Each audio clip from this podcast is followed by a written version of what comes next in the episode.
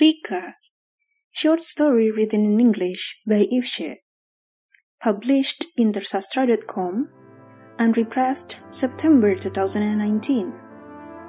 Narrator Siti Fatonah Wijayanti.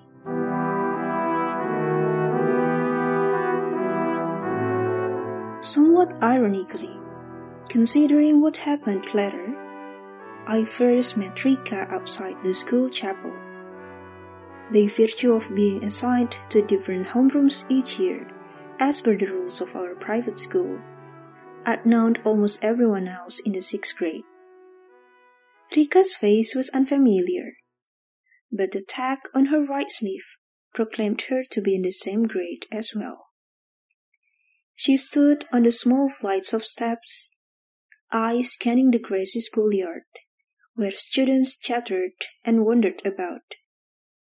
The chapel was always open during school hours. Maybe she was about to pray and was waiting for a certain someone to join her. Catching sight of me, she checked the tag on my sleeve. Hi, which homeroom are you in? she called out. 6A.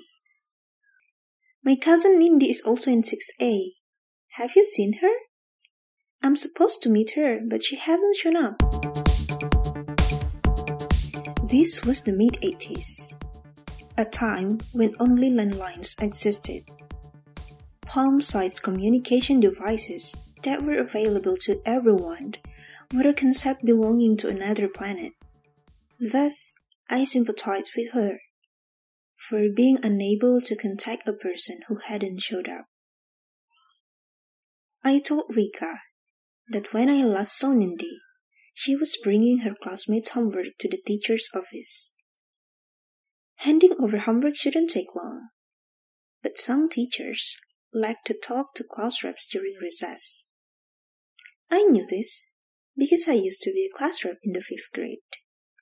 This year I declined the candidacy and passed on the job to someone more equipped for the hassle. You could wait for Nindy outside the teacher's office, I suggested. Rika glanced at the chapel doors behind her. Or you could pray alone. I wanted to add, and refrained from doing so. My mom had told me that other people's acts of worship were their private business and none of ours. Besides, Rika might have chosen this spot randomly, with no intention of going into the chapel. The bell rang, signaling the end of recess. Amid a surge of kids in their white and checkered uniforms, Rika and I walked back to the sixth grade homerooms. The midday sun beat down on us. One more class, and we would all head home. The sweet anticipation kept my gait light and stoked my curiosity. I'm Lana. What's your name? After Rika replied, I asked her. New here? Yes, homeroom 6B, starting from this week. Nindy's dad is my mom's younger brother. Being a new student, Rika must have repeated this information a dozen times already. And yet, she delivered it with the eagerness of a first time. She even kept smiling up until the moment we entered our respective classrooms. Her friendliness encouraged me to consider her a possible new best friend. The previous one had moved away from Java. At that age, having a best friend, someone with whom I could share my hopes and feelings, was of paramount importance to me. The end of school bell rang at one o'clock. My classmates and I stored our books inside our bags, while the class rep intoned, Let us pray in accordance with our beliefs. After the brief prayers, Nindy, who sat at the front row, left the classroom first. Pretending to be a spy, I followed her to see if she was going to meet. When I saw the two girls, they were talking on the corridor leading to the building's exit. Rika stared down at the floor while Nindy's forehead creased with disapproval. she said something that made Rika's head hang even lower. Then, without sparing her cousin a glance, Nindi marched away. From my mom, I'd learned that people who were sad sometimes didn't want others around them. Case in point, whenever mom had an argument with dad, she would spend the next half hour playing with our cat. However, Rika looked so heartbroken and alone, standing to one side of the blue tiled corridor, that I decided to keep her company for the moment. Kids streamed past her as she adjusted the straps of her penguin print backpack. When I walked over, she looked up. Walk to the gate with me? I offered. Why not? She murmured. Which shuttle do you take? I mentioned the route, and she said that she would be going home by Becak. We strolled across the parking lot, past cars and brown school buses, and exchanged info about ourselves. Rika, like me, was an only child, and we both adored all shades of pink.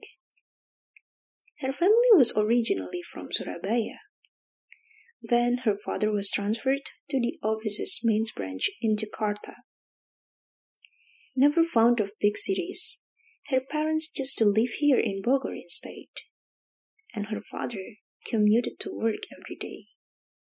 The other reason for their choice was that they had relatives here. Nindi and her family. Rika's parents sent her to the same school as Nindi, in the hopes that Rika would find new friends more easily through her cousin. But I made her angry yesterday. Rika confessed with a sigh. I called her up this morning, saying I'd wait at the chapel to apologize. Her frown and the scene in the corridor indicated that the apology hadn't been well received. What did you do? I asked. I told her I'm not comfortable being in the school chapel or the cathedral, since I'm not a Catholic. Whenever I can, I'll skip the services. My immediate reaction was to guess what her fate was. This being a Catholic school, the majority of the students were Catholics. The rest were Protestants, plus a few Buddhists, Muslims, and Confucians. In short, Rika's faith could be anything. She sighed again. Nindi's still upset. She said my parents worked hard to get me accepted into this school. Not obeying school rules means I don't appreciate their effort. If you're not a Catholic, why do your parents want you to go here? I asked. Is it only because Nindi goes here too? Before we left Surabaya, my parents did research on private schools in Bogor, and they were told this is the best one. My father prefers private schools, I think, since he's never enrolled me in public one. The Catholicism doesn't bother him. But I'm still not comfortable with attending the services here. As far as I knew, my non-Catholic friends attended the school's compulsory religious services with few qualms. A few of them had even taken to memorizing the Madah Bakti songs. Rika was the first person I heard who objected to the rule. I'm not a Catholic either, I said. But I'm okay with the services. It's not that they change my beliefs or anything. Just go through the motions, Rika. No one can tell the difference. If she got curious about my faith then, she didn't bring it up. Neither did she respond to my solution. We parted at the gates and she went to look for Becak.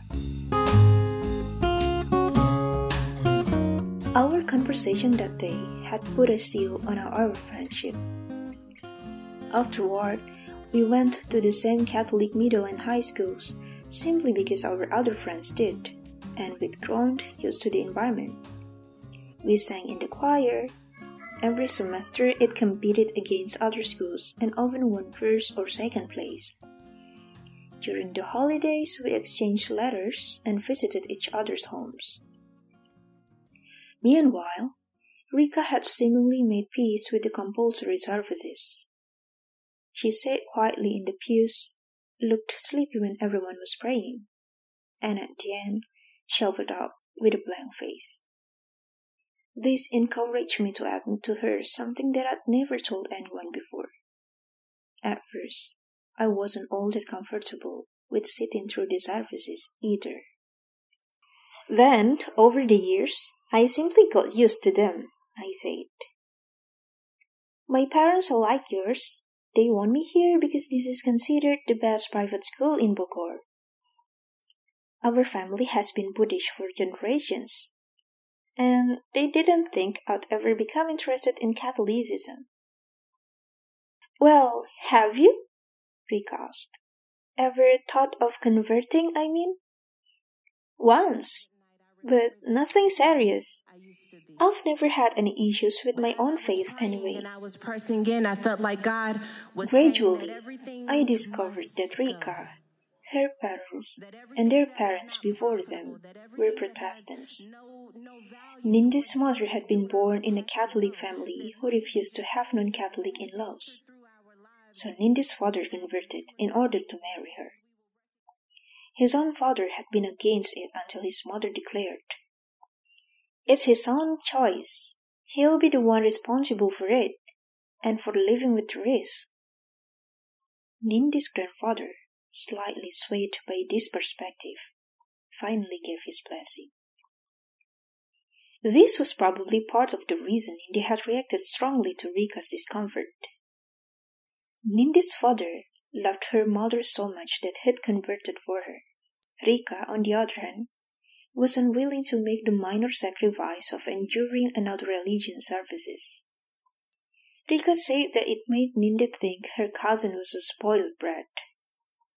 It hadn't occurred to both girls and me that those were two different cases. Rika had never chosen to attend the school in the first place. Her parents made the decision for her. As high school rolled along, some of my schoolmates converted to Catholicism. I noticed this from what was called a memory album in those days, a book where your friends wrote down their profiles, their names, addresses, religion, phone numbers, hobbies, and favorite things. Often they added drawings, stickers, and personal messages. The idea was that later in life, the book would help you remember them. At least three friends who had been followers of other faiths now wrote down Roman Catholicism. One of them told me her parents didn't convert, just allowed her to do so. Another said his parents were doubtful at first, before believing that their son would be a good person, regardless of the way he prayed.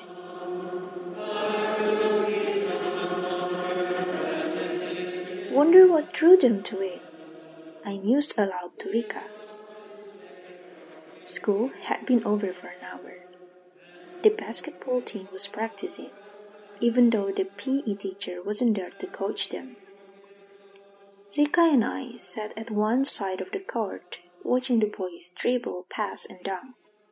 A ball's failure to drop through the ring would be punctuated with profanities in victorious laughter. What drew them toward changing the way they serve God, you mean? Rika sipped at her lemon flavored soda. Most of them have been attending Catholic services since first grade. The services click with them, so they decide they need to officially join the faith. Ah, but I don't know. I'm just guessing.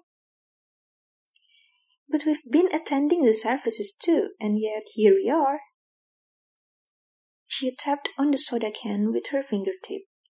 You're still not interested in becoming a Catholic? Nah, there's nothing to be gained from changing my religion. It's the way I practice my beliefs that matters. How about you? Ever been tempted? An explosion of curses from the car drowned out some of Rika's words, so she repeated them. No, you're right. It's not what our fate is called. It's the way we adapt to it. High school came to an end. Rika and I went to college in different provinces. We crossed the hundreds of kilometers between us through letters and phone calls. As we hurtled through our final semester, our schedules grew hectic and irrelevant to one another. Both letters and calls grew sporadic. By graduation month, the letters had stopped completely. A matter of course, I told myself. Rika and I had evolved. In our current lives, friends from teenage years held little significance. If we missed each other, we could always plan to meet or wait for reunions. As if burned out of that dismissive thought, an invitation to a high school reunion arrived at my parents' mailbox. It was for students who had graduated in the same year as me. Reading the invitation card, I hesitated. Besides Rika, whom did I sincerely miss from those days? Could I put up with two or three hours of polite smiles and the obligatory catching up? In the end, I went to the reunion. The afternoon was cloudy when I arrived at the high school building, now painted a cherry green. Two of my ex-classmates were stationed at the reception desk.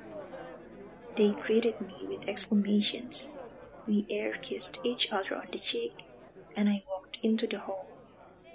Inside, the girls were enthusiastic, and the boys casual toward me, rowdy with each other. Rika was sitting on a chair in the corner, she looked exactly the same as she did in our last encounter five years ago, when we took a trip to Puncak to celebrate getting into college. After we hugged, I plopped down next to her. How has life been to you? she asked. Not too shabby. I work for this agency. They assist people who want to study abroad. Got a steady boyfriend? We're thinking of buying this new thing called the cell phone to see what it will do to our relationship. How has your life been? She looked down at her fingers, spread out on her knees. Fine, it's fine. Administration staff at a furniture company, single by choice, and my ID card still says Protestant, but I'm waiting. And she shrugged. What do you call it? Practicing? Yes.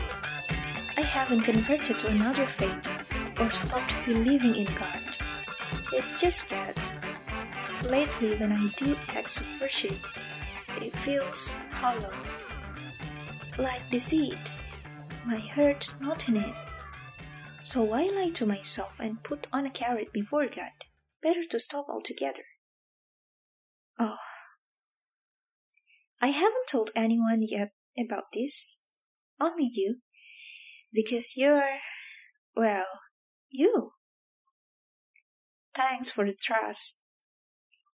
She surprised me with a light chuckle. Can you imagine what our nice religious friends would say? They'd probably offer me spiritual guidance. Nice they are, but all that religious, nope. And your family? My parents and relatives still haven't found it yet. I'm not sure they need to, unless it becomes absolutely necessary. The twinkle in her eyes died, which I hope is never. I'm intimidated to be honest. Some people don't look kindly on those who don't observe a certain organized fate. I'm the only person I know who does that. I patted her on the shoulder. Staying true to your convictions, like you've always done. Thumbs up for the consistency. How about you if I ask? I shrugged. Still barely any issues with my own faith. I can see now that I, it means I have it easy by not having to struggle with what faith means to me. Compared to you, I'm too complacent. Rika shook her head, looking bemused. All this time I was just making trouble for myself. No, you're just figuring out your way in life. Anytime you need moral support, I'm here.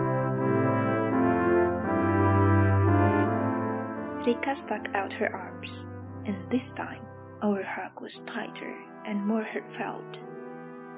Although she didn't seem relieved, her smile was broader. I wish, I wish I could talk to people like me. There's this other new thing called the internet. You can use it at internet cafes, look up sites through search engines, and maybe you'll get lucky and find those people.